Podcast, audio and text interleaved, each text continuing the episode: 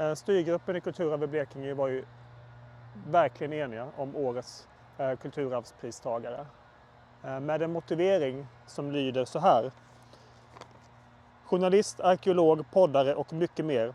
Med omättlig nyfikenhet och entusiasm sprider årets kulturarvspristagare kunskap om Blekinges kulturarv till tusentals lyssnare.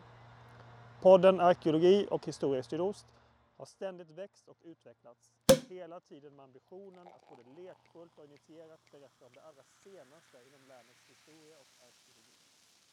Pristagaren väver in hela kulturarvsområdet i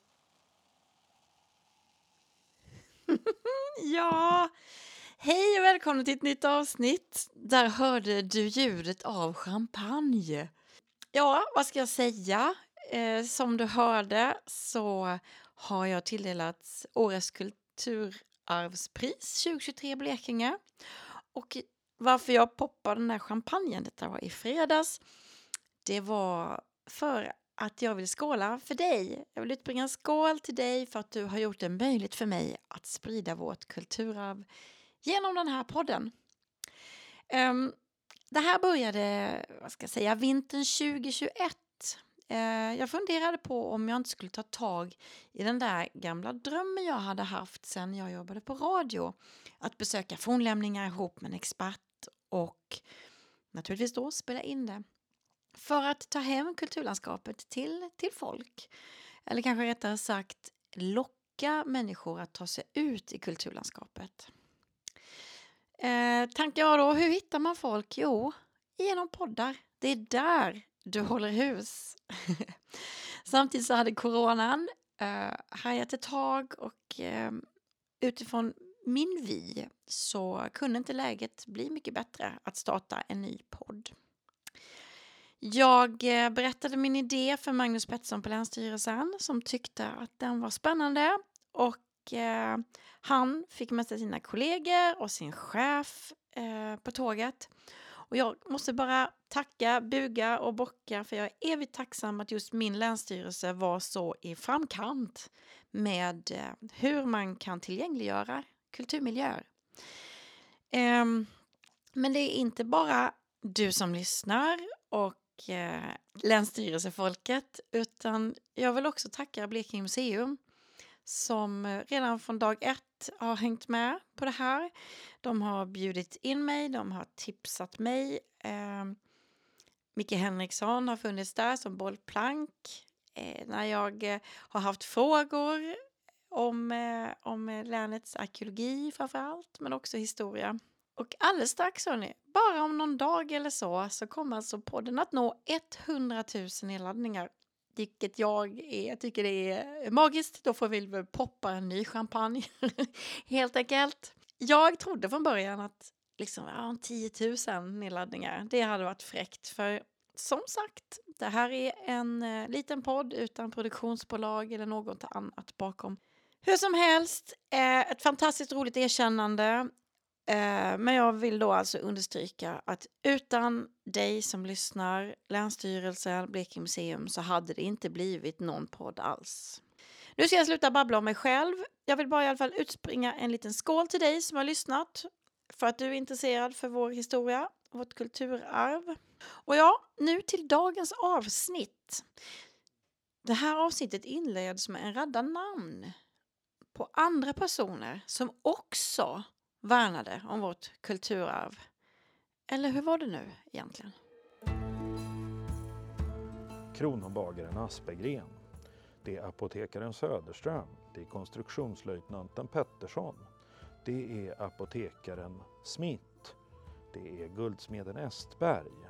Och så är det apotekaren Söderströms brorson, majoren Wilhelm Söderström.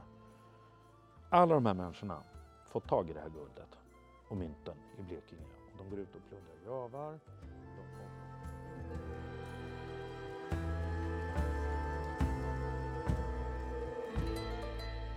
I det här avsnittet ska vi prata om Blekinges bling-bling. Jag tyckte det passade bra till den här dagen med lite guld i Blekinge. Men innan vi kommer till Blekinges guld så måste vi gå igenom en massa Excel-ark och enträget forskande. Och det Det är väldigt intressant forskning som vi ska få ta del av idag. Den som lyssnade på avsnittet om Gamla Skogsby och utgrävningen där hörde att Ludvig Papmeldefaj nämnde forskning som eventuellt visar på att oroligheterna på Öland under mellersta järnåldern inte kom utifrån utan inifrån ön. Och att maktspelet bland annat kan ha berott på guld. Japp. Det här är väldigt ny kunskap för mig och podden och därför lite extra kul att få träffa en docent i arkeologi som är expert på just guld och solidus. Han besökte Blekinge museum i början av oktober. Dels för att titta på guldet Solidusmynt i Blekinge, men även för att hålla ett föredrag om sin forskning kring just de här fantastiska Solidusmynten. Han fick en stund över och då passade podden på att söka upp honom. Vi träffar honom i ett av eh, rummen på museets magasin på Rosenholm utanför Karlskrona, bland lösfynd och pärmar. Det här avsnittet är inte inspelat på samma sätt som vi brukar ni vet ute i kulturmiljöerna, utan vi sitter framför hans dator och tittar på diagram och på bilder.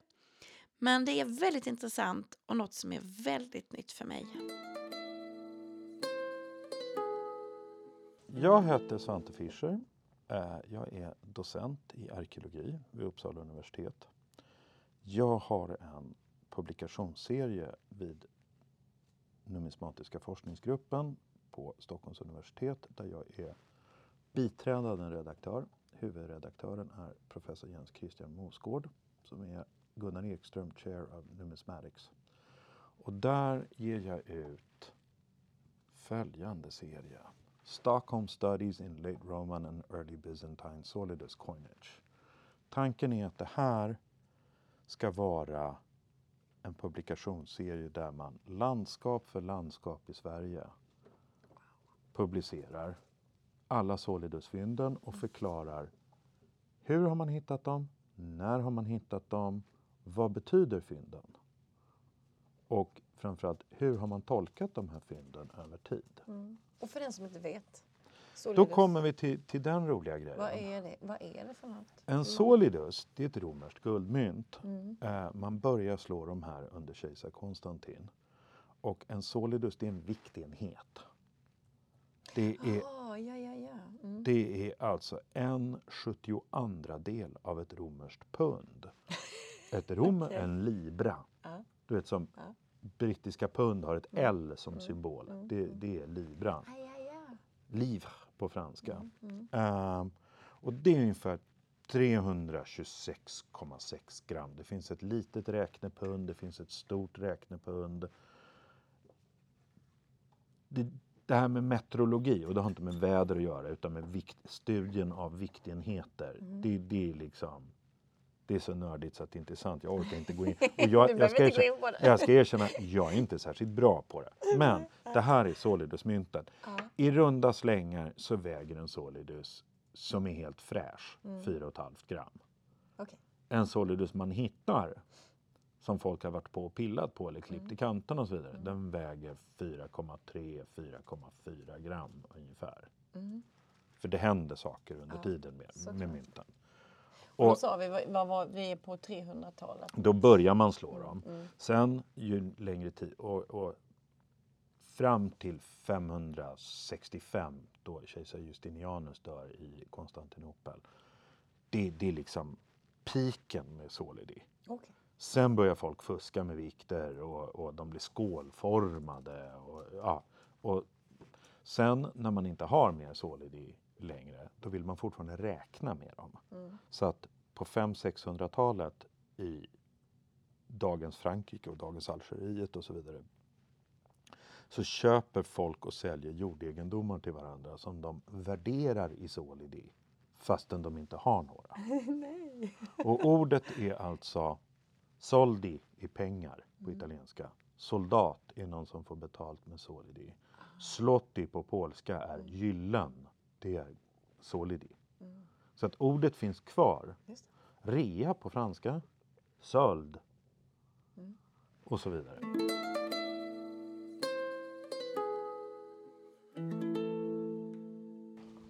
Kruxet med det här är ju att det, det är massa learning curve. Om du förstår vad jag menar. Man kommer, man kommer ställa fel frågor i början för att Mm. man inte förstår. Ja. Och sen när man Så förstår, då kommer man kunna ställa Exakt. rätt frågor. Mm. Och då kommer man heller inte vara lika benägen att säga åh, är det Nordens Pompeji eller Nordens Titanic? eller, förstår vad jag menar? Man behöver inte komma med så här hyperboliska paralleller hela Nej. tiden utan man förstår att det som finns i Blekinge det är unikt i sig utifrån de långa tråkiga Excel-arken och den kvantitativa datan som måste processas. Liksom. Eh, framförallt om man har något att jämföra med, Ja. vilket vi har. Vad är det man jämför med här då? Då kan vi göra det enkelt för oss. Vad sägs om att titta vad grannen har? För här är vi. Här är vi, ja. Mm. Och då ser man att det är östra Blekinge som gäller. Det är i stort Mm. sett Karlskrona-bassängen som är aktuell. Mm. Och inlandet bakom. Eh, men det här speglar liksom vad vi har hittat, inte vad som är säkert. Det ska man ha klart för sig. Och när du Det- säger så, vad Det, menar du då? det räcker med att du bygger ett shoppingcentrum ute på Listerlandet Ja, ja, och det ja, där ja, kräks ett fynd och då Mm, får vi mm. tänka om. Ja, just det. Eh, så att vi, det är lätt att tycka, jo men det här speglar kung Valdemars segelled eller något sånt där. va? Mm. Det, det kanske det gör, Mm. men det ska vi inte vara för säkra på. Det, problemet är att, att, att inom all populärvetenskaplig förmedling av fältarkeologi och skrivbordsarkeologi så vill man ha sensationella resultat och snabba förklaringar som liksom tilltalar den konsumerande allmänheten. Ja men det är klart, men, men man, man, man är ju försäljare va. Eh, problemet är att det blir inte alltid rätt va. Nej. Eh, så att om vi börjar med det här och tittar på vad vi har för fynd i jämförelse med grannen. Så är det så att i Skåne och Småland, Mm. som ju är mycket större landskap, Mm. så ser man en väldigt tydlig grej. Nämligen det att solidusmynten, de samlar sig framförallt vid kusten. Mm. Det omyntade guldet och brakteaterna och i fallet Skåne och Småland slaktade ryttarutrustningar Ah. hittas inne i landet. Mm. Och vad skulle det betyda då? Vad? Det sker någon form av process. Va? När de här grejerna kommer tillbaka Mm. så hamnar de först vid kusten. Där gör man om grejerna. Man smälter ner, man klipper sönder, man redistribuerar. Och den som har makten att för det första få in importerat guld. För det andra att sitta på en säker plats där man gör om allting utan att grannen kommer dit och slår ihjäl en och stjäl allting. Och kan sen skicka det vidare inåt landet. Det är mäktiga människor. Det är människor med stora kontaktnät både utåt och inåt landet. Grejen är, det är sannolikt att Västra Vång är en sån plats också. Just det, där har man väl hittat hur mycket... Det här är vad du har hittat. Ja. Och där är hittat på en, på en yta av kanske 7 kvadratmeter. Okej. Mm. Mm. Det- är en helt hisnande insikt att vi kan ha tur. Mm. Men det här kan också vara en småkille, va? även om jag inte tror det. Mm. Men om man jämför... Ta Uppåkra som exempel. Du har metalldetekterat 36 000 metallföremål där. Mm. Du har inte hittat mer än 200 gram guld. Du har inte hittat en enda solidus i Uppåkra. Nej. Var någonstans är de i hierarkin egentligen? Är det så enkelt att de helt enkelt haft tid på sig att smälta ner alla mynten som har kommit in och skicka dem vidare? Mm. Eller är det så att de faktiskt är längre ner i hierarkin och att de har inte kunnat behålla någonting annat än det redan nersmälta för de har inte suttit i den primära länken med importen. Det, förstår du. Ja, komple- fattar komplexiteten precis. i det? Ja, ja,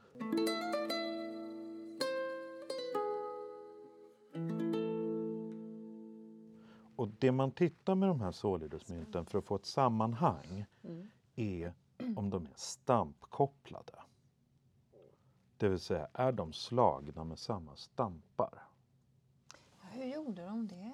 De har alltså en bild som sitter infäst i ett städ. Sen har de en bild som... Jaha, okej. Ena är ja, ena är det. Ja, ja, ena sidan. Ja. Mm. Och sen den andra sitter i ja, en platta med en mejsel och så slår du med en hammare på. Du har ett runt flan som ser ut som en polett ungefär. Va? Men Eh, är, är, är guldgubbarna typ gjorda så också? Nej, de är bara slagna på ena sidan. Ja, det är de ju. Just det, just det. Och det här är på båda. Det här är på båda. Ah, så att man har en obvers. Ja. Den brukar visa kejsaren. Mm. Så har du en revers. Och den brukar visa någon form av ideologiskt motiv. Mm. I det här fallet är det då den stående Victoria med korset. Men hur, hur kan det funka? Att det inte syns igenom? Liksom? Att det blir... Det är ganska tjockt. Är det ganska tjockt? Det är ganska tjockt. Jag skulle ju haft det här och hållit det ju. Ja. Men hur tjockt då? Liksom? Eller ja. Millimeter. Mm. ja, det är så pass. Ja, och här kommer grejen. Det är 24 karat guld. Mhm. Densiteten är helt...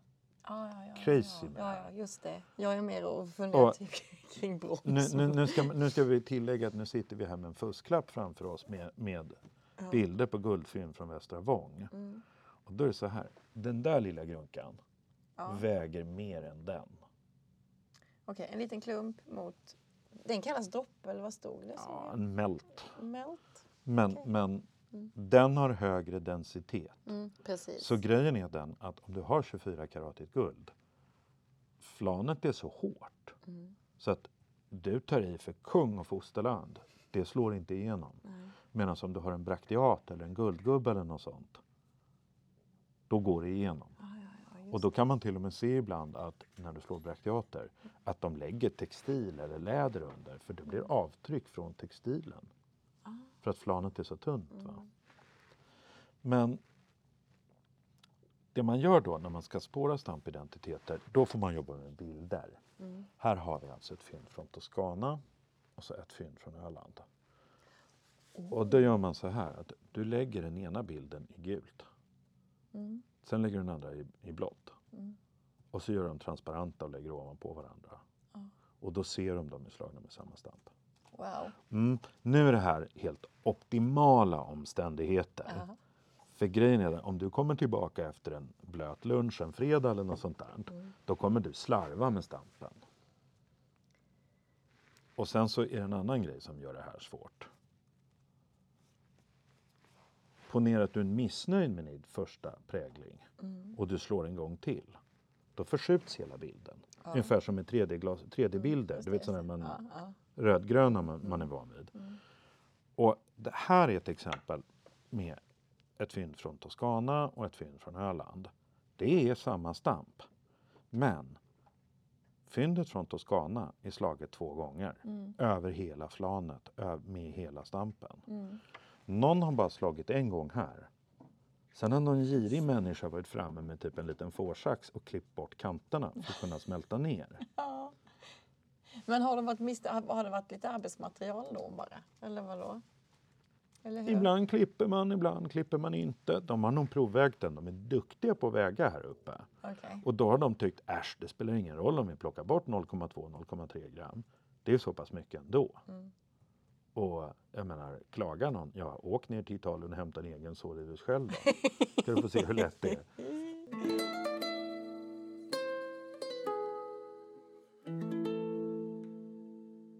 Och sen så kommer den klassiska spännande frågan.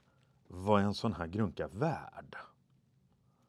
Och det, då får vi problem på riktigt. Och när du säger grunka, då menar du? En Solidus. ja. Ja. Ja, för att vi vet att de sitter och värderar jordegendomar när de knappt finns kvar. Mm. Därför att då är det ett nominalvärde. Vi kan säga jo men så här många hundra hektar är värda så här många solidi. Mm. Och många gånger står det i olika militärdiplom och så vidare att soldaten ska ha fem solidi i lön om året och så vidare.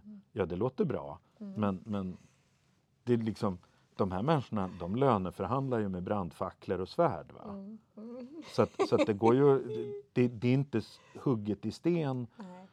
Hur mycket man faktiskt får betalt. Och då finns den här udda grunkan. Det är ett halsjärn för en slav som finns i Nationalmuseet i Rom. Och då står det skrivet på Fugi tenemi cum revoca veris me domino meo sonini acipis solidum. Den som tar mig på flykten och lämnar tillbaka mig till min herre eller min ägare, Soninus, han får en solidus.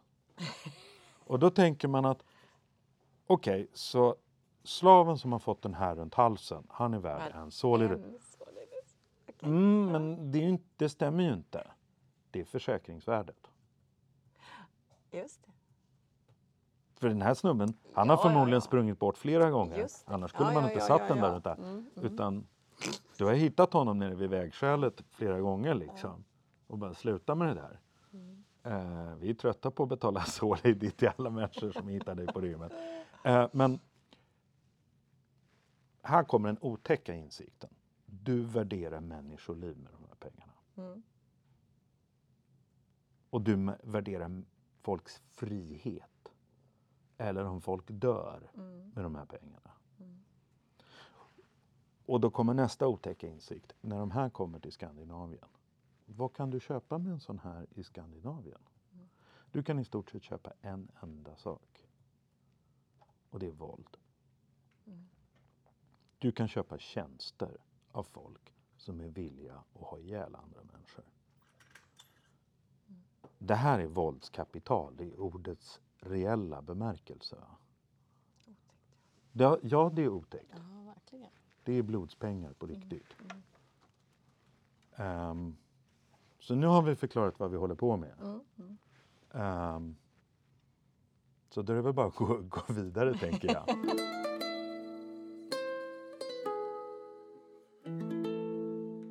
Då kommer man till den märkliga slutsatsen att vi i Skandinavien har väldigt mycket såna här. Jämförvis med Jämförelsevis med resten av Europa, med Ja. Medelhavet, eh, över Indiska oceanen. Det finns lite i Indien som har kommit via handel, via Persiska viken och så vidare. Eh, och här kommer grejen. Det här har förmodligen inte varit varuutbyte mer än löner. Va? Mm. För vi har egentligen inget att erbjuda romarriket som skulle kunna motivera så stora utbetalningar. Man har försökt att säga att det är ylle, man har försökt att säga att det är läder, alltså grejer som skulle behövas till raggsockor och bälten i romerska armén. Man har försökt säga att det ska vara päls, eh, bärnsten och så vidare. Mm. Men varför i fridens namn skulle man, när romarriket håller på att braka ihop, bestämma sig för att investera sitt dyrbara guld man normala fall har till Försvarsmakten i Vet. päls och bärnsten. Alltså Mm. och sen är det så här, då kommer bevisbördan. Var god och hitta pälsanläggningarna och bärnstensanläggningarna i Skandinavien. Mm. Medan det är inga problem att hitta 18 stycken borgar på Öland. Nej. Som man även hittar solid i. Mm. Så att, så att de som har försökt argumentera att det finns någon form av fredlig handel med, med rika bönder och så vidare. De, de, de har ett enormt problem med att det helt enkelt inte finns empirisk bevisföring som stöder deras argumentation. Nej. Hur länge har den här tanken funnits som du säger nu? Alltså, Nu blir det spännande. Därför att den första människan, forskaren faktiskt får man väl kalla honom ändå, som klurar ut eh, hur det förhåller sig med det här. Det är alltså Rudbeck. Jag ska se om vi kan hitta den.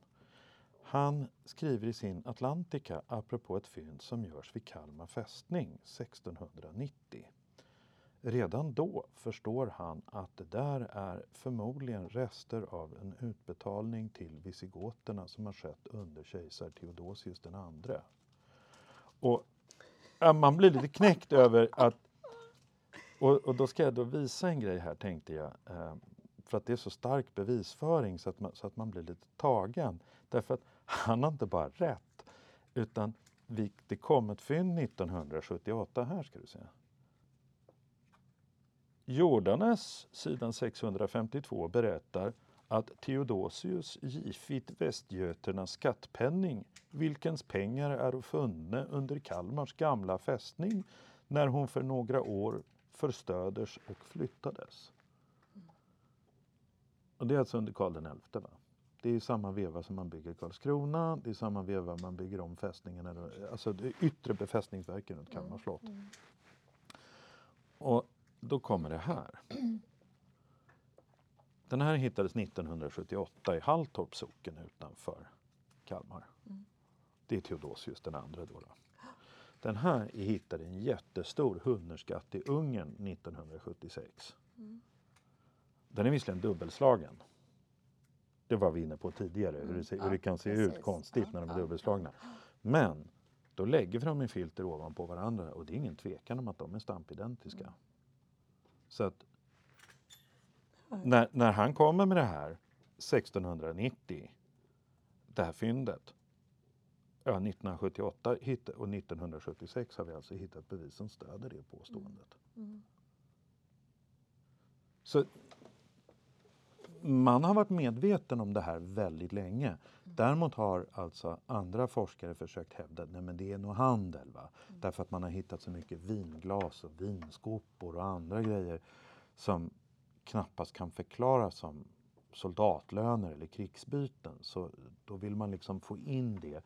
Och framförallt är det så att man vill alltid jämföra all äldre järnålder med vikingatiden.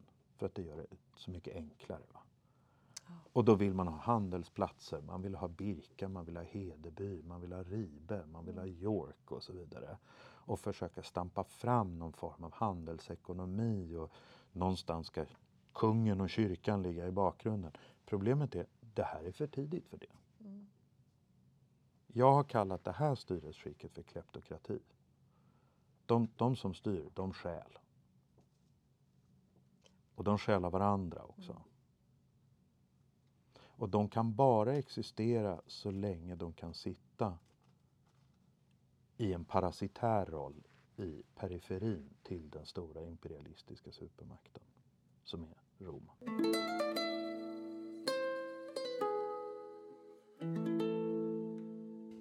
Och, och då, då, då kan man ju ställa sig frågan, ja vad är det här för människor då? Och, och i finns det ett större sammanhang vi kan koppla dem till? Och det gör det. Och det är den här så kallade Sösdala-horisonten. Och det här är då från Rumänien upp till Medelpad i Högom utanför Sundsvall. Så finns det då såna här ryttarutrustningar som påminner om varandra. De är inte identiska, de, de liknar varandra. Eh, det är inte så att alla har liksom köpt samma kit på postorder, va? utan man har liknande saker. Eh, och den här kulturen, den slår liksom igenom överallt. Va? Här har du två, här är Aneby i Småland och Jönköping. Den här, är alltså, den här sadeln är hittad mitt inne i stan i Jönköping på 20-talet. Oj. Och det, det, det är märkligt med de här sadlarna och, och, och den sortens utrustning. Här har du Högomryttaren och där har du Berkasovo-hjälmen från Serbien. Och här har du Tunalundsmedaljongen och Nöjbrostenen i Uppland. Det är samma motiv som går igen. Va? Just Det är den här hjälmförsedde ryttaren. Och sen så har du då Grimetongfyndet i Halland och där ligger en slaktad sån här hjälm. Så att det där är det större sammanhanget med det här. När man sen ska gå och försöka förstå det här så är det så att mynten som kommer till Skandinavien, du kan inte gå runt med dem nere på byn. Va? Därför att då förstår folk att du har dem. Du förvarar dem i jorden. Och det- det är inte, åh nu kommer fienden, nu gömmer vi skatten. Du har guldet i jorden. Därför att annars har inte du guldet kvar, så enkelt är det. Och då fryses det i tid så att säga. Så att mynt som slås någonstans i romarriket och sen hamnar i Skandinavien, rakt ner i backen. De har bara åkt en rak linje. Mynt som slås i Italien och är kvar i Italien, de byter hand på ett Just det. annat sätt. Så att de här, de rör sig kanske i rummet så. men inte särskilt långt bort från händelsen. Nej. Medan här, ja, där kan folk köpa jordegendomar kanske. Mm, Eller ge pengarna i present till kyrkan för att man ska be fina böner åt den gamla generalen så han hamnar i himlen eller något sånt där. Mm. Så att när man jämför då fynden i Skandinavien med de i Italien då kan många gånger fynden uppe i Skandinavien ligga närmare den ursprungliga händelsen Just än de i Italien.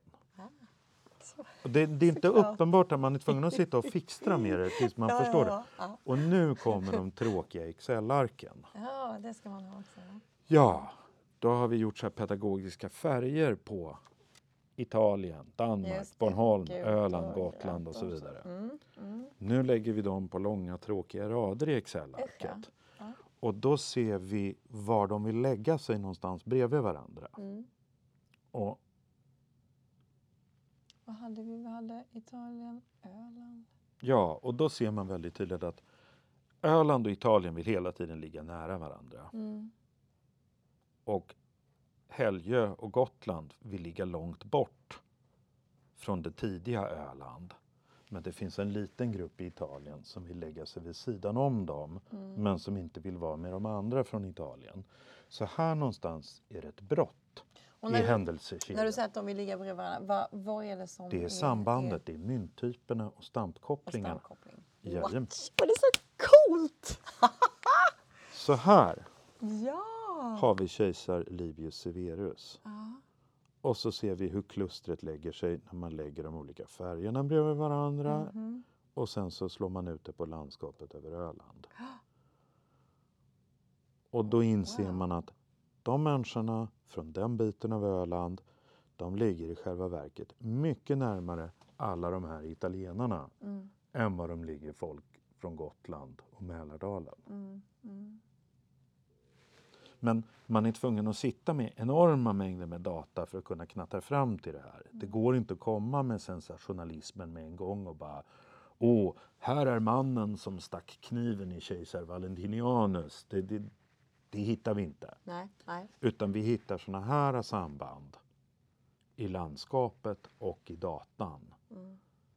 Eh, och då när man är riktigt många, då kan man börja slå ut det över regioner i hela Europa och hela Medelhavet. Mm. Och då ser man i vilka kluster de grupperar sig och vilka som ligger nära varandra.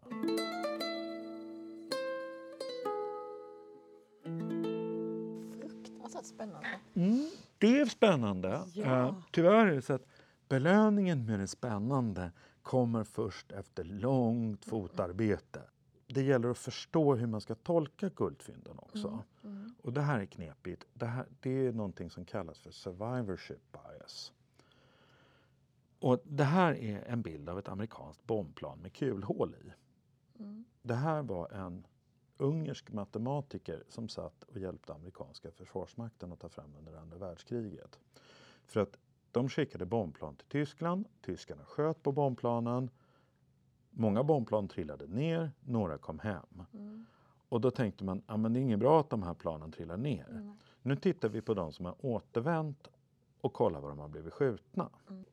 Och då är det så här, då påpekade han, men man gör fel. För att om man bara tittar på de som har kommit hem, då tror man att de hålen här, eller prickarna, är representativa. I själva verket är det så här, alla bombplanen som är borta, de har blivit träffade i motorerna och tankarna och har brakat ner i backen. Mm. De här syns inte i det här materialet. Nej. Så om vi då gör, nu hoppar vi och säger Ja. att det här är inte bombplan längre. Nej. Nu är det guldmynt som ska hamna i Skandinavien. Mhm. Här är de rapporterade fynd, fyndmynten, guldmynten. Mm. Det här är allting vi vet om guldimporten. Mm. Det här är det som saknas i fråga om guldimporten. Mm. Följer du med? Ja. Och då är det så här, här är en studie jag gjorde av Skåne 2022. Man har hittat 31 solidi helt säkert i Skåne. Det är 140 gram guld. Totalt har man hittat 5500 gram guld i Skåne. Det skulle alltså vara 1100 solidi. Mm. Just det. Nu är vi inne på det här med Nu. bombplanen. Nu förstod jag bombplanen. Ja, Ja, så att ja. Så mynten och guldet, de speglar samma sak. Det är bara att vi vet inte vad. Nej. Någonting har hänt emellan. Så nu måste vi försöka förstå vad det är som har hänt. Och då är vi tillbaka igen. Mynten finns vid kusten. Det nedsmälta guldet finns i inlandet. Någonstans har man landat planet vid kusten. Och där har man gått fram med svetsaggregaten och svetsat sönder planet och styckat upp det. Det vill säga, det man har tagit hem mynten och sen så har man gjort andra saker med det. Och då försöker vi förstå, vad är logiken med att försöka göra om dem? Ja, för det första så är det så att du kan betala mycket större enheter. Du kan göra stora spiraler som väger väldigt mycket. De kan du blanda upp med andra saker också. Du kan ha koppar i dem, du kan ha silver i dem. Du kan ha, ja, det går att fixtra med dem helt enkelt. Eh, för det andra så kan du göra nya bilder, nämligen brakteater. Och ännu senare guldgubbar. Det är du som bestämmer motivet. Du kanske inte vill ha kejsaren där. Nej. Du kanske vill ha det själv. Just Eller din förfader. Eller en annan kejsare. Ja, det är så vi gör hela tiden med allt ju. Att vi, kan, vi tittar ut någonstans i världen på andra saker och så tar vi hem det och gör det som vi vill ha det. Ja, det passar mycket bättre. Ja. Mm. I alla fall just då. Ja, Ja, precis. Mm. Sen är det möjligt att våra barn som ärver de här grejerna, bara, men vad höll han på med? Och då klipper man sönder de här grejerna och så åker de ner i smältdegen. Mm. Många gånger blir man förvånad över hur lite pietet de har med de här guldföremålen. Mm. De bara äsch, nu har vi sönder den här grunkan. De bara, men varför då? Nej, men de tänker inte så. Nej, De- det är de- materialet som är Det, viktigt. det är materialet Ja, som är det viktiga. ja.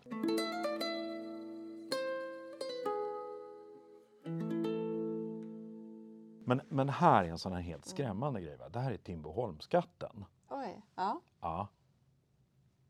Det är 1500 solidi. Oj.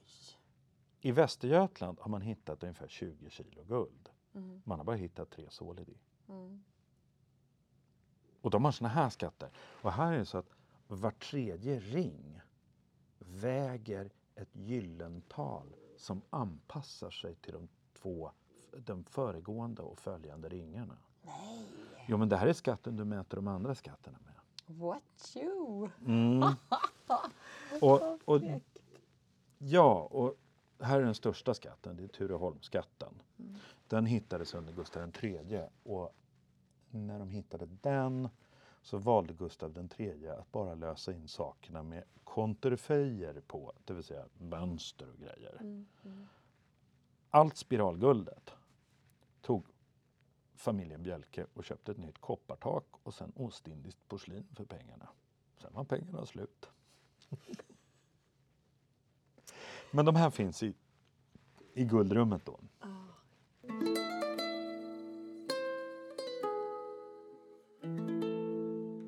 Åh, det här är liksom helt nytt. Det är jätte, för mig är det så jättespännande. Jag har inte ens roligt. tänkt på det.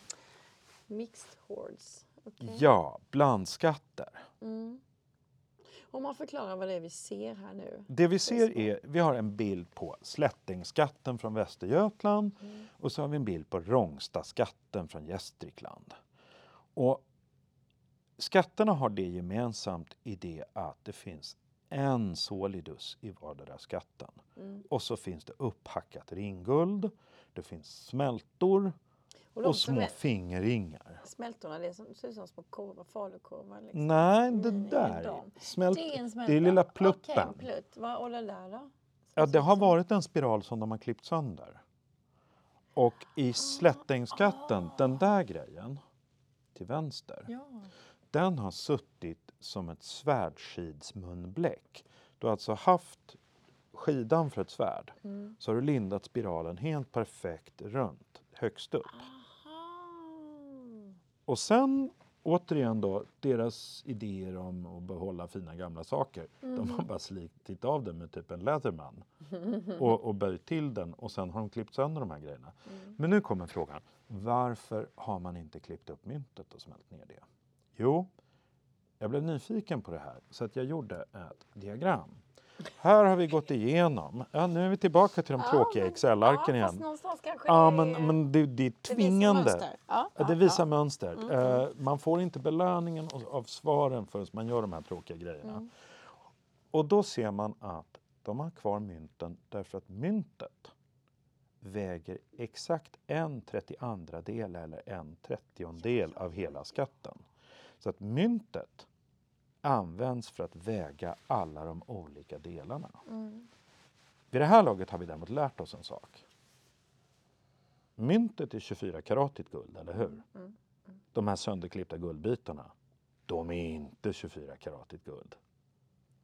Så du använder ett rent mynt Mm. för att väga upp legerat hackguld. Mm. Med andra ord så blåser du Du, de andra människorna. Men vet du vad? Det är du som bestämmer, för det är bara du som har ett mynt kvar. Mm. Och det här är kleptokratins ekonomiska grundval. Det är bättre för din del att det bara finns ett mynt än att alla har många mynt. Mm. Så att du vinner på att förstöra andras egendom. Din egendom blir mer värd ju mindre andra har. Mm.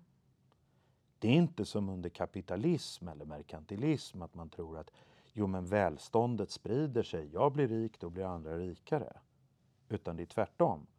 Om jag går hem till grannen på natten och eldar upp hans hus och ingen hittar guldet som han har gömt någonstans, då är mitt guld mer värt. Mm. Det är logiken. Va? Och det här, om vi då går in på det här igen, jo men de byter eh, guld mot bärnsten, pälsar och så vidare. Nej, de gör inte det, därför att de tänker inte på det här sättet.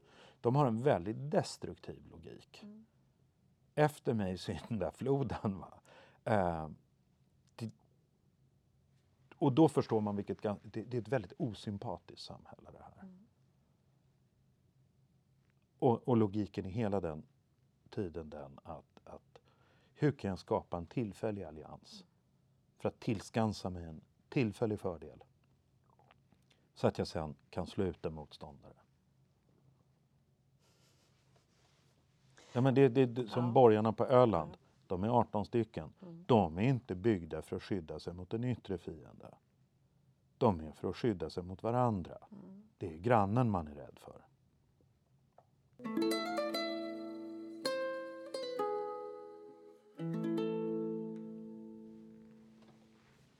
Så att det är lite om, om då blandskatter. Och då kommer vi in på, tillbaka till Västra Vång. Västra Vång. Ja, och det är då det här att vi har hittat en sönderklippt solidus i Västra Vång. Mm. Nu blir den logisk i sitt sammanhang. Ja. Och det intressanta är, man har valt att inte försöka ha den som en viktenhet i en samlad skatt. Annars kan man låta bli att klippa sönder den. Mm. Eh, alla de här väger inte särskilt mycket heller. Utan det här är någon form av verkstadsguld som man ska göra andra saker med. Mm. Och någonstans de här tunna remsorna skvallrar om att man redan förmodligen är framme i guldgubbetid, så att säga. Så man är förbi Solidusimporten, man är förbi brakteaterna. Och då ser man också, vi har, gjort en, vi har tittat på ändarna på alla guldspiralerna. Mm. Är de avklippta eller är det yttersta biten och så vidare. Mm. Väldigt många av de här är yttersta biten. Okej. Det här är snuttar. Ja. Men det som är intressant är att många av mittenbitarna har helt färska klippspår. De är sylvassa alltså. Ehm, om man jämför med de här skatterna som vi tittade på Slättäng och Rångsta. Klippytorna är alldeles trubbiga. Va? De, här har de, de här har stötts och blötts mot varandra länge. Mm. Det är inte fallet här. Och Så vad, vad, vad är tanken då? Eller vad, man har bestämt sig att man är klar med det här mycket tidigare än de, än de andra skatterna från Västergötland och Gästrikland. Någonting har hänt här. Vad det sen är, det kan inte jag liksom svara på därför att då sitter vi bara då, då, då blir det bara gissningar som, som, Mm. som inte nödvändigtvis leder någon vart. Det kan vara så enkelt att de här har gått över till grannen och blivit uppeldade. Det kan vara så att nej men nu ska vi inte tillverka mera guldgubbar därför att kvoten är fylld och ritualen är genomförd och eh, så är det med det. Och nu ska vi slutdeponera det här hackguldet.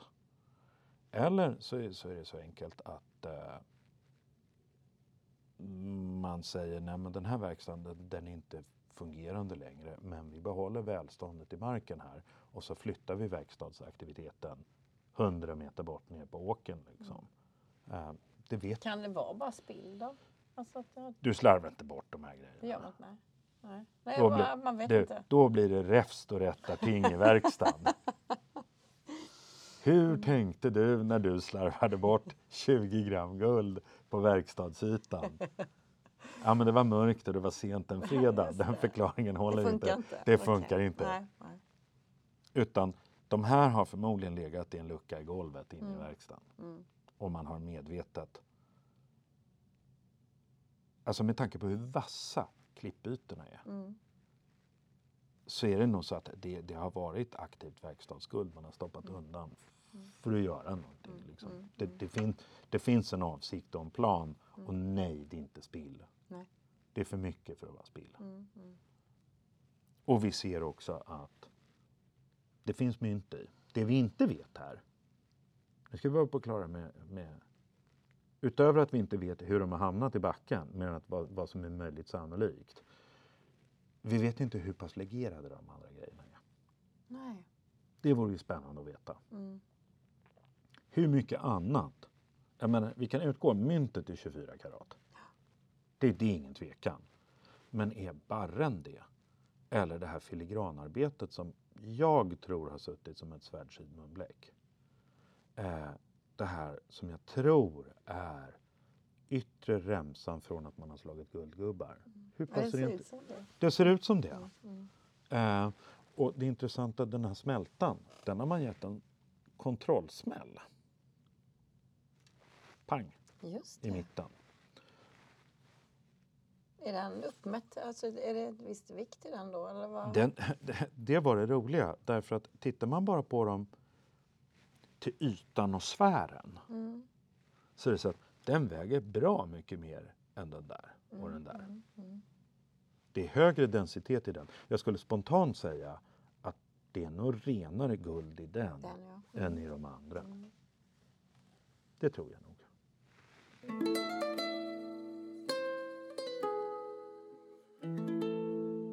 Det som också börjar tidigt, det är när man börjar hitta skatterna. Ja, vad har vi här i Blekinge? Du har kikat på grejerna va? Eller nu? Eller? Ja, framförallt så har jag försökt leta efter de grejerna som är borta. Ja. Och det har väl varit mindre roligt därför att vi har haft en del otur. Eh, många gånger finns väldigt mycket saker från Sverige bevarade därför att Riksantikvarieämbetet har lyckats lösa in grejer. Mm. Därför att landshövdingarna har varit på hugget och det har suttit beskäftiga landsfiskaler, häradsdomare, eh, stationsinspektorer som har fått tag i grejer och tyckt om att vara lojala tjänstemän och skicka in grejer till myndigheterna och få sig en klapp på axeln av storebror. Liksom. Det, det har känts bra. I Blekinge är historien väldigt annorlunda. Och då ska man nog sätta in det här i sitt perspektiv. Det här är direkt efter de stora Napoleonkrigen. Ja. Karlskrona är, det är en jättestor flottbas på dekis. Och hela världen har bränt enorma summor pengar på det här stora världskriget som Napoleon har orsakat. Mm. Och i Karlskrona sitter det då en massa tjänstemän, eller lägre tjänstemän. Och, och ja, de är apotekare, de, är- de är konstruktionslöjtnanter, de är guldsmeder och så vidare. De sitter i olika, ja, motsvarande kommunfullmäktige. Va? 1817 och sen igen 1838 rapporteras då fynden om en skatt på kyrkorna. Och det här har i själva verket varit en helt fantastisk skatt. Det är brakteater, det är solidi, det är bältespännen och så vidare. Och så vidare. Och nu är vi inne på något väldigt spännande. Därför att vi har tidigare sagt att man förvarar guldet i jorden. Mm. De här grejerna har hängen. De här grejerna har suttit på bälten. De här sakerna är till för att synas. Mm. Det är en viktig demonstration av makt och rikedom. Och man har ansträngt sig för att smälta om guld och göra nya föremål. Och man har också ansträngt sig att skriva riktiga runor på flanet som sen slås. Det är inga nonsensgrejer här. Det står med allitteration. Vurte runor anaval hakurna heldar kunnimundio. Alltså skrev runor på det välska kornet heldar åt Gunmund. Och det välska kornet, Valch, det är en romare. Och nu blir det ännu roligare. Korn på latin är granus. Det är en viktig enhet som är under solidus. De här människorna kan alltså sitta och översätta till urnordiska ord som förekommer i latinet. Och det är bara, eh, hur kom ni på det här och varför gör ni det här på vers och rim? Liksom? Eh, och sen så den solidusen de behagar ha, ja, den är slagen för kejsar Theodosius den första i hans femte våta år 384. Sådana solidi växer inte på träd i Skandinavien. De har redan hunnit smältas ner. Va? Många gånger när, när jag visar min forskning och, och jag visar på de enkla grejerna, nämligen att det har kommit mycket mynt till Öland under vissa perioder, då tror alla ja men det här är enda som finns. Nej, det är de enda mynten vi ser i stora klungor. Det här är ett jättetidigt mynt. Det har hänt något långt, långt tidigare.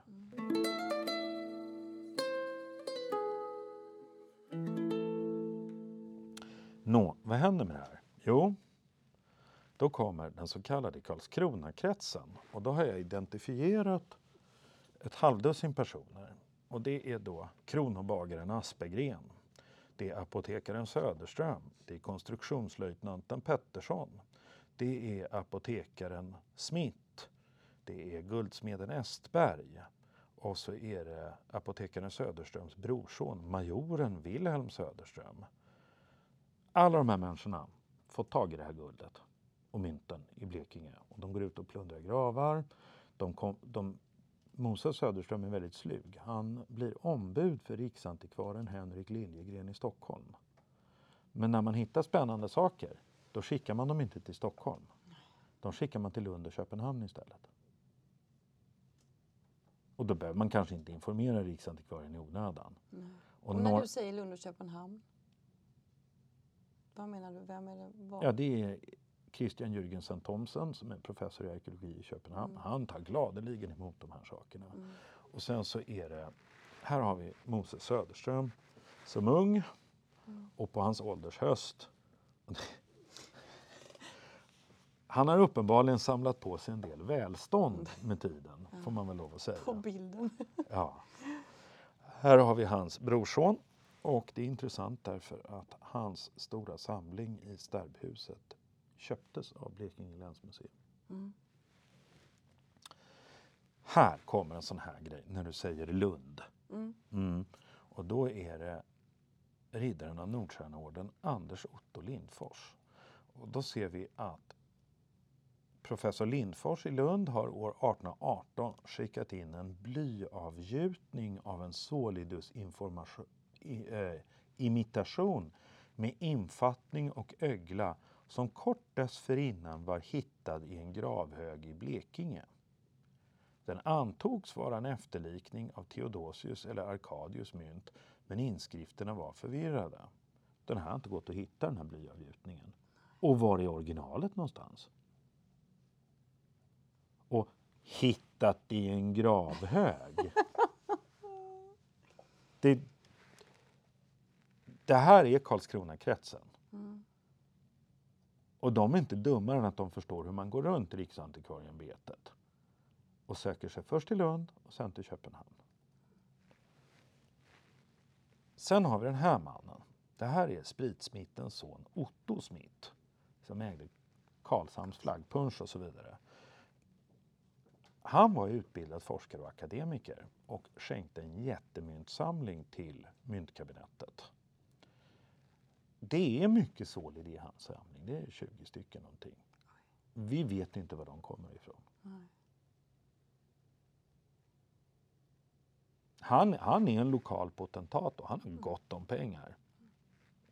Det kan vara så att han har fått tag i saker i Blekinge, men det behöver inte vara säkert. Nej. Så här, här vet vi helt enkelt inte. Men Men när man är en sån myntsamlare som han då var. Mm. Är det bara myntet som är viktigt? Inte, ingen, ingen historia bakom? Det Jo, han är ovanlig därför att han är även egyptolog och så vidare. Han tycker om koptiska handskrifter och så vidare. Otto Smith är en ovanlig person därför att han, han hade nog helst velat bli forskare och akademiker. Men han måste ta över familjeföretaget. Han vill nog inte vara spritbaron under förbudstiden. Även om det är de pengarna som gör att han kan bygga en fin myntsamling. Eh, Men jag menar myntsamlingen, det finns, det är inte så att de ändå tyckt att, att det är viktigt att veta var de hittades utan det är bara mynten i sig då som är när man är myntsamlare då.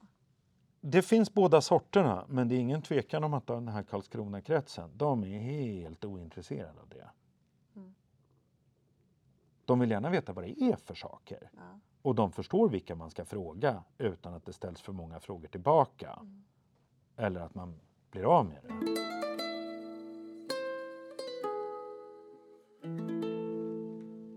Här har vi det. Mynterna kom på privata händer och kan icke påvisas. Det, det är historia man hör. Sen, sen ska man ha klart för sig att Pettersson och Söderström de säljer sina samlingar till Statens historiska museum. Men det är därför att man vill ha pengar. Och i fallet Wilhelm Söderström, alltså brorsonen Söderström, det är hans stärbhus. Han dör enkling. Barnen behöver pengarna. De säljer de konstiga kuriosaföremålen till Blekinge länsmuseum och en jättefin solidus för kejsar Anastasius köps av Statens historiska museum. Tänkte vi skulle titta lite på den därför att den är intressant. Det är den här då. Och den är då hittad 1881. Ett guldmynt över en ort i vikt hittad av en bondeson i Ramdala socken och Torshamnsidan till. Ja, det är vad vi vet om kontexten. Sen köps den här- Ramdala socken, Ja, ja, Torhamnssidan. mm. Det är där jag bor då ja. Så spännande.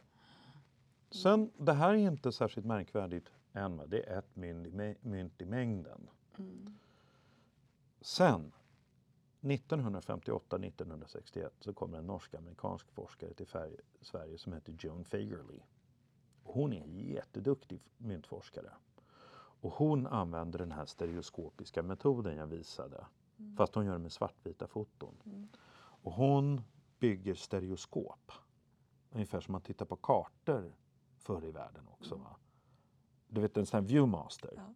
Ja.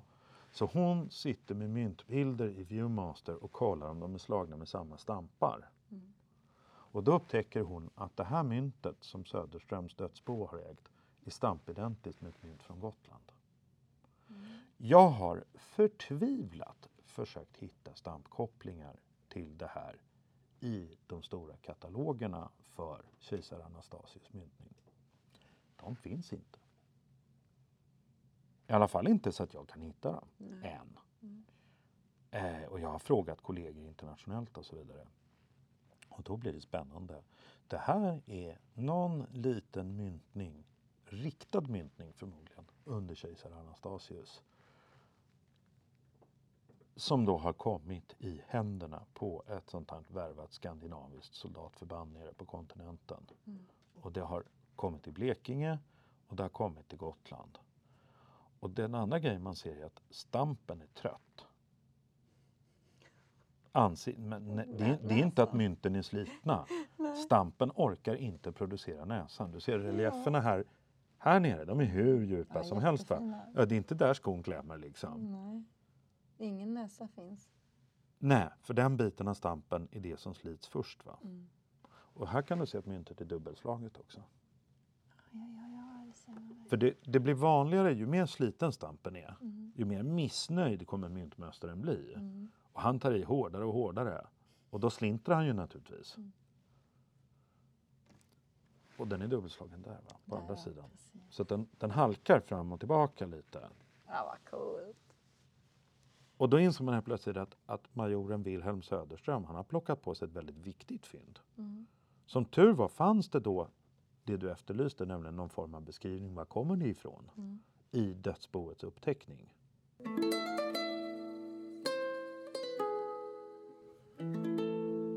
Sen kommer vi till den här sagan och det här är typ den vackraste historien av dem alla. Mm. 2016 sitter jag på Myntkabinettet i Stockholm och går igenom förra direktören Ulla Westermarks kartotek. Jag hittar det här kuvertet med avsändaren Greta Åberg på Rindergatan 48, två trappor och så ett sexsiffrigt telefonnummer.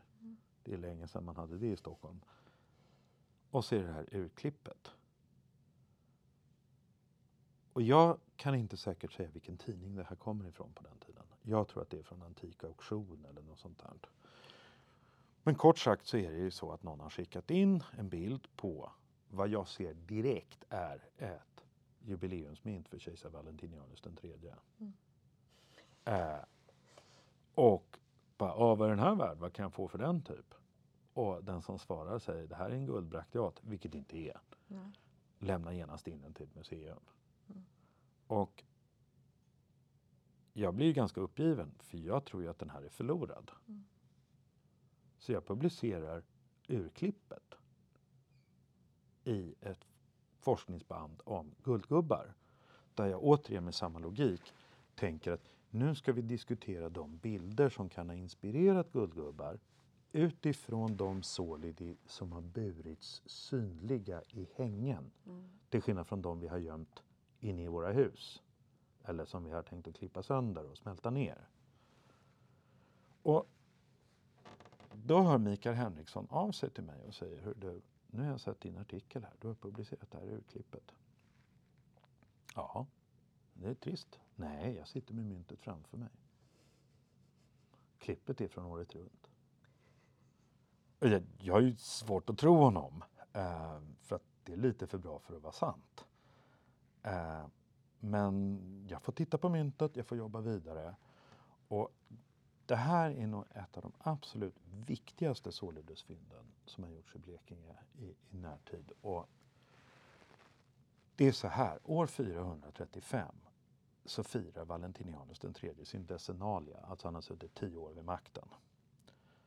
Och man slår särskilda jubileumsmynt för det här. Det står där, våt X. Va? Här är myntorten, RV Ravenna. Kon Åb alltså komitatensiskt obritium, det vill säga kejserligt rent guld. Så vi vet vad det som gäller. Mm. Mm. Och kejsaren har på sig den här rutiga morgonrocken som kallas för paludamentum. Han har segerkorset, det här triumfkorset. Och här har han Mappa Mundi, världskartan, ihopknycklad i handen. Och, din, och den, den här gesten ser man på guldgubbarna. Men det förstår man nog inte att det är Mappa Mundi kejsaren håller i den. Men den här decenalien är ju speciell. Jag lyckades hitta en inskrift i Rom som tar upp den överhuvudtaget. Den här är inne i gången i Sant'Agnesi Fuori le Mura i förorterna till Rom. I ett lapidarium. Alltså man har hittat krossade inskrifter. Så har man bara satt upp dem på väggarna. Och av en slump så ser ju jag Theodosio X Valentiniano Aug. Och så har jag då en finsk kollega som är latinist och expert på inskrifter. Och han kunde säga, jo men du har gissat rätt, den där är från Valentinianus den tredjes tionde våta. Och anledningen till att jag hoppade till när jag såg det här tidningsurklippet var det här fyndet från Bornholm. Mm. Mhm. De trodde de hittade ett avgasrör till en moppe. ett ostötningsrör. Sen inser de att det är en romersk silvertallrik. Och de bara, oj då, eh, det här var inte bra. Och så röntgar de den. Mm. Och då ligger alla de här brakteaterna, hängena och pärlorna och solidusmynten för Valentinianus den tredjes tionde våta uppradade inne i tallriken. Shit. Så de bara, mm, ja, nu pillar vi ut det här mjukt och försiktigt. Och då är inte mindre än fyra stycken stampkopplade. Mm. Det jag gjorde då var att jag gick igenom forskningen med det här. Och det roliga är då att 1992 känner man till fyra stycken. Jag har 36 stycken här. Mm. Så jag har ökat det med nio gånger. Nu blir det spännande. Om man tittar på vilka som finns i museer i det här Excel-arket. Nu är vi tillbaka till de roliga Excel-arken igen. Mm. Mm. De är uppenbarligen bra. Ja, Jag, ja, men jag, de- de- gillar, jag kan ju inte Excel, jag klarar inte av det. Men, Ja, men det det, verkar det, det bra. går framåt med dem. Mm, mm, mm. Och då är det så att de blå Mm. finns i museisamlingar eller i arkeologiska fynd. De gula har gått på auktion. Så tittar vi var de är slagna någonstans. Nästan alla de blå är slagna i Ravenna. De finns i arkeologiska fynd. Mm. Uppenbarligen är det så att mynt slagna i Ravenna för det här jubileet, Mm. de har hamnat i backen. Ja. Och många av dem har öglor. kan vi vara överens om. De flesta som är slagna med stampen R2. Jag, här är alltså katalogerna för framsidan stamp och baksidan Ah, ja, stamp. ja, Så ja. att vi har gjort ett helt stampkopplingsschema med allting Mm, också. mm, mm. Och då är det så att nästan alla som är slagna med stampen D4 R2 i Rom, de har gått på auktioner. Mm. Och då kommer man fram till slutsatsen att någon har hittat en skatt som har skingrats och gått på auktion. Just det. Och det är det här när det blir liksom polisarbete också. Va? Mm. För vi kan se om folk plundrar och stjäl Mm. och sen säljer. Vi ser spåren efter det om vi har tillräckligt mycket data. Det går inte att mörka sådana grejer.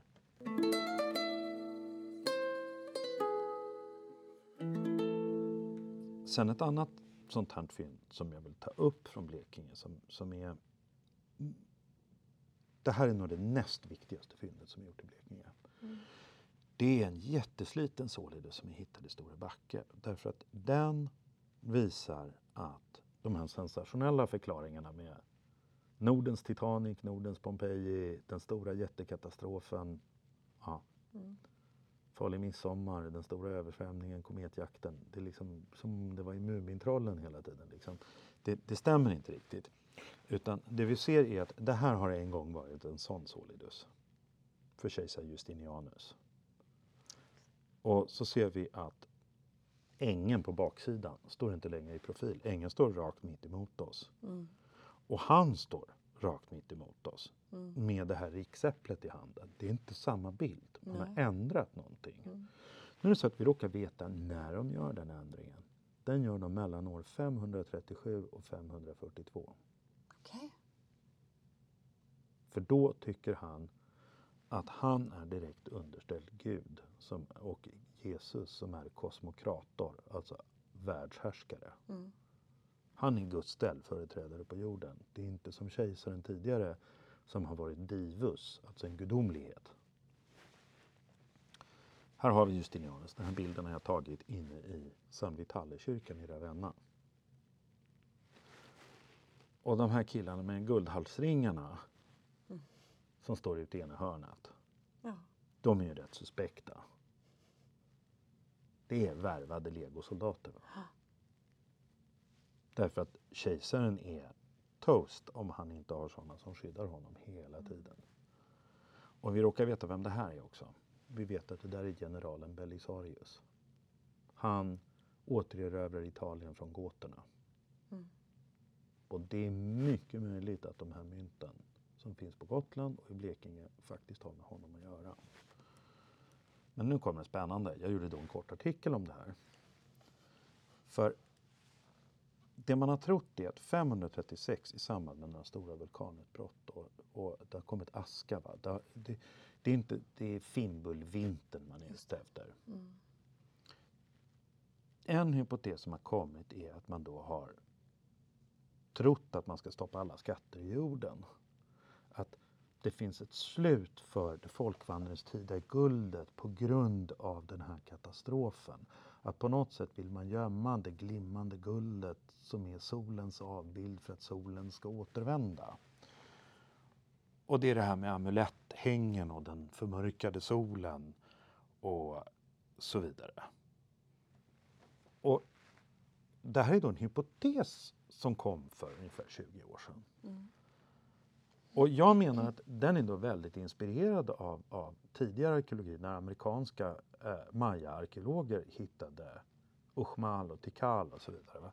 Det här är då Karl Barks och Kalle Anka, Maya-kronan med farbror Joakim. Eh, det är väldigt enkelt. Va? Gudarna är arga, vi måste blidka dem, vi offrar guldet. Det är en snabb, sensationell, enkel förklaring. Titta, bergen regnar eld och aska, här kommer vulkanutbrottet.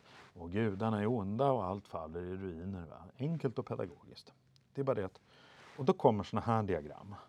Att det har varit då stora klimatförändringar och beviset för det här är att allt guldet har hamnat i backen. Archaeological finding of sacrificial gold offerings from the 6th century. Och så är det då kartor över hela Skandinavien. Mm.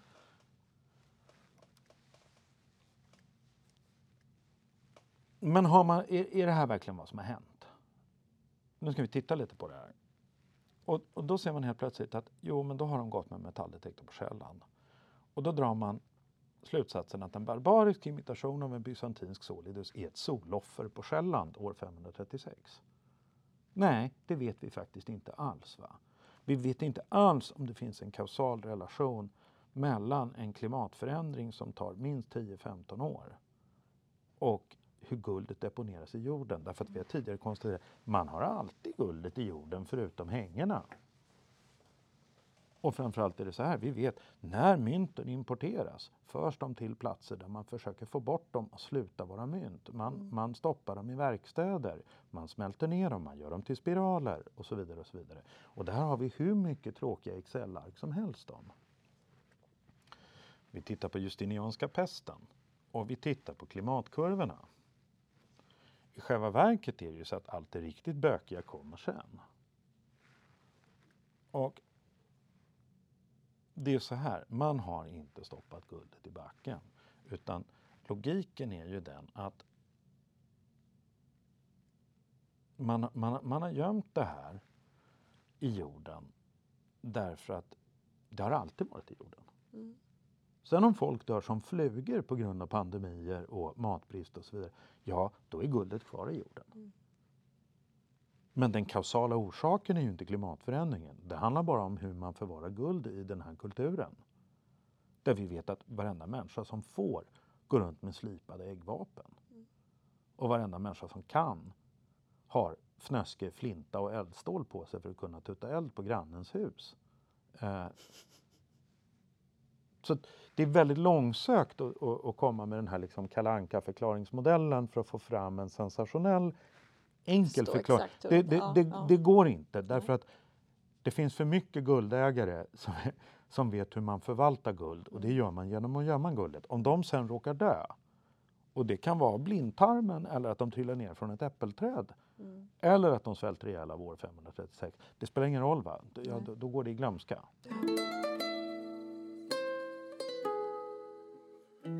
tänkte kort ge dig en inblick i vad händer efter det här. Mm. Sen tänker jag att vi börjar bli ganska klara. Ja, Och det här, det är Como-skatten. Mm. Och San Mamiliano-skatten i Toscana som jag tittar på flera bilder på. När var detta nu? Detta är 2018. Mm. Eh, jag kallar den för alla öländska skatters moder. Det här har min italienska ka- kollega döpt till alla öländska skatters mormor.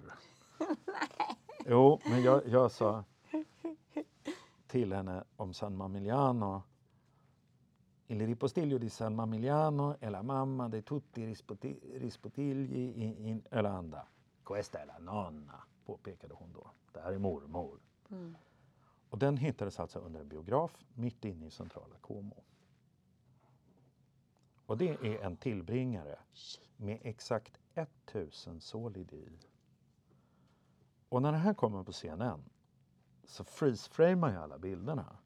Det första jag ser är att alla de här är stampidentiska med en solidus från Bläsinge på Öland. Så jag bara... Eh, och sen hör jag av mig till länsantikvarieämbetet i Milano och säger Hör du, eh, våra förfäder har glömt alla sina guldmynt. Ja, kan du tänka dig, i en tillbringare som är vår, svarar doktor Facchinetti på länsantikvarieämbetet. Och så säger hon, ska inte du komma ner och titta på det här? Och jag kommer ner som ett skott eh, och jag får titta på det här på länsantikvarieämbetet i Milano. Det är fyra kilo guld i plastpåsar i plastbackar. Håret står på ända. Och det här är belöningen för alla tråkiga Excel-ark och allt tråkigt sådär. Nej, det kan vi inte sä säga säkert och här blir det minsann inga Pompeji eller Titanic, va? utan här kommer belöningen. Mm. Och det roliga är då att italienska forskarna är helt på det klara med att de absolut bästa parallellerna finns hos oss, Mm. inte någon annanstans. På något märkligt sätt genom den här tunneln har våra grejer sig i tiden. Och den här råkar ha låst sig i tiden, för nu kommer det fina. Här träff, vi får inte träffas på flera år på grund av pandemin. Här sitter vi tre meter ifrån varandra med mask 2022. Det var så nära vi fick komma. Hon har sedan dess publicerat det här och hon förstår att mynten i den här tillbringaren är stratigrafiska. Så hon fixar en gammaldags kaffekittel jättemånga encentsmynt. Rullar in dem i tyg och lägger upp dem likadant. Och så inser hon att de tio mynten högst upp är alla slagna för kejsar Olybrius. Han regerar i nio månader innan de mördar honom. Så tidshorisonten är fruktansvärt snäv. Så för en gångs skull har vi en grej i koden från Italien upp till Skandinavien som är blickstilla nere i Italien. Och det är vi inte bortskämda med. Ja, och gudskelov så är alltså doktor Facchinetti en fruktansvärt duktig forskare. Och nu har jag då fått ett Visiting Fellow Commonership för att åka till Trinity College på Cambridge.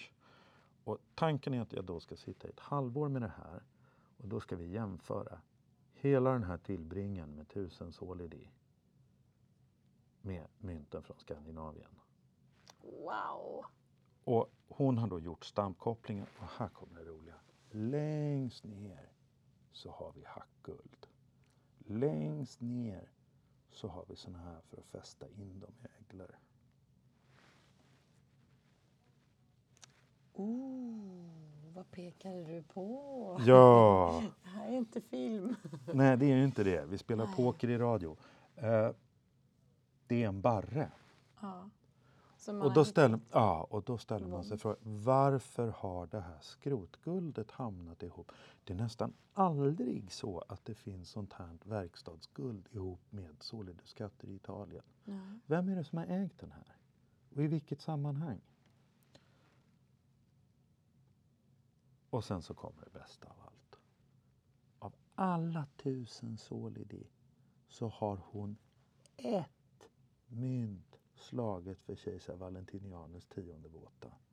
Och det är stampidentiskt med vårat mynt från Blekinge. Och så tittar vi på den öglan. Och så går vi tillbaka ett snäpp. Och så tittar vi där. Nej, är det sånt Jajamän. som man lägger runt? Jajamän. Som är hittat där nere? Jajamän. Nej, vad häftigt! Det är ganska bra, eller hur? Ja, det är jättecoolt. Så den lilla, vad kallar man det för sa du? Den krans, cancern Ja, runt. kalla den för det. De har kittet redo där nere. De har kittet redo där nere. Wow!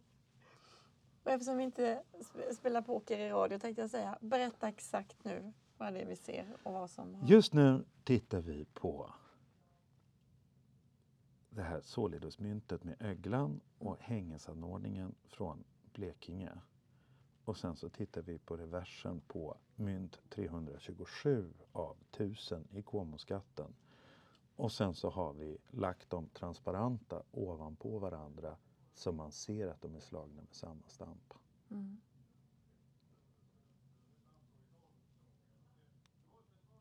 Det är nästan för bra för att vara sant där. Mm.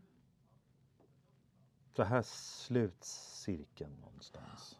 Ja, Jättehäftigt. Så bläddra tillbaks igen. Och det är två. De, den och den. Man delar ju inte ut bara en sån här. Nej. Det såg vi ju på Bornholm. Nej, vad coolt. Mm? Jättehäftigt. Wow. Och det är det som är hittat i Hammarby, va? Mm. Jo, Längst. och inskikat till året runt. Alltså bara den Mm. vad- storyn är så jävla galen. Mm. Var det hon som hade fått det i, i eh, doppresent? Mm. Ja, det är jättecoolt. Är precis, jag ser bort dit från mitt Mm. hus över, ham, Mm. över ha, vad heter det, Hallarumsviken upp. Mm. Du, Mm. tack snälla får jag väl säga. Mm. Jättekul. Får se vad jag får ihop Det är ditt problem. Ja. Jo, jag tänkte, vi glömde den absolut sista grejen. Det här är jätteroligt. Nu har Fakinetti skickat in allting på XRF-analys i Trieste. Mm. Det vill säga du kollar ytorna för legeringar. Och vi har möjlighet att göra det med våra saker från Blekinge. Så vi kan jämföra dem med dem i Como. Wow. Och då kan man se ifall det... Och det som Kommer det? vore riktigt spännande Mm. det är ju att jämföra de här ögelgrejerna i hennes skatt Ja. med ögelgrejerna hemma hos oss. Ja, det är jättecoolt ju. Och Tänk framförallt, man kan även jämföra med dem som finns i Köpenhamn som Mm. vi hittade på Bornholm. Mm. Nej, när, när, när den här skatten kom i Como och jag fick se det i Milano och jag gick ut på gatan i Milano och jag ringde min gamla handledare i Uppsala.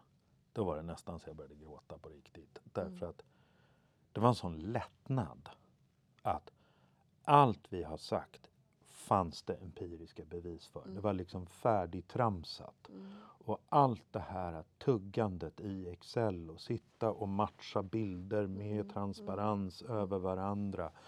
Och du vet, det är folk som bara, nej, jag tror minsann på pälshandel. Och man bara, ja men du har ingen bevis för det. Ja, men jag tänker tro det i alla fall. Och så vidare. När den här tillbringaren kom, då var det färdigtramsat. Va?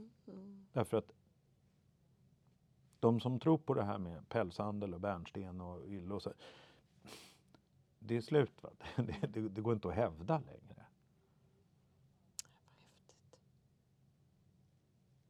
Ja, italienarna var ganska överraskade själva. Mm. Ja, gud. Det där var inte vad de hade tänkt sig.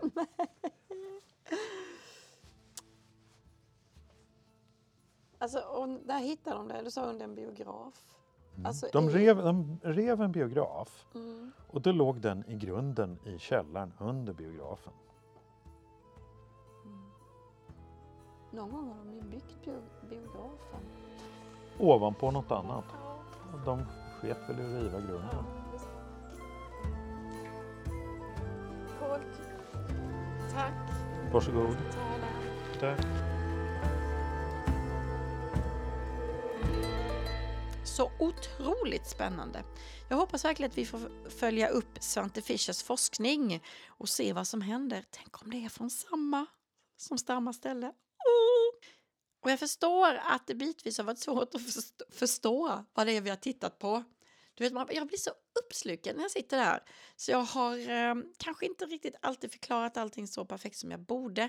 Och, men därför så har jag också länkat in. Under avsnittet så kan ni hitta länken till föreläsningen som Svante Fischer höll på Blekinge museum. Eh, måste observera att eh, den är inte textad. Den håller på och jobbas med det. Eh, alltså föreläsningen ska bli textad. Men än så länge finns det ljud och bild. Och eh, det finns också en länk här nedanför till Svante Fischers olika artiklar som ni kan hitta vad han har skrivit. Och återigen, tack kära Länsstyrelsen i Blekinge för att ni är med och sprider vårt kulturarv till folket. Ja, eller till just dig. Och du och jag, ja vi hörs väl eh, ganska snart igen, hoppas jag. Håll mig sällskap vidare i podden. Så eh, säger jag väl då kram och ja, skål i efterskott.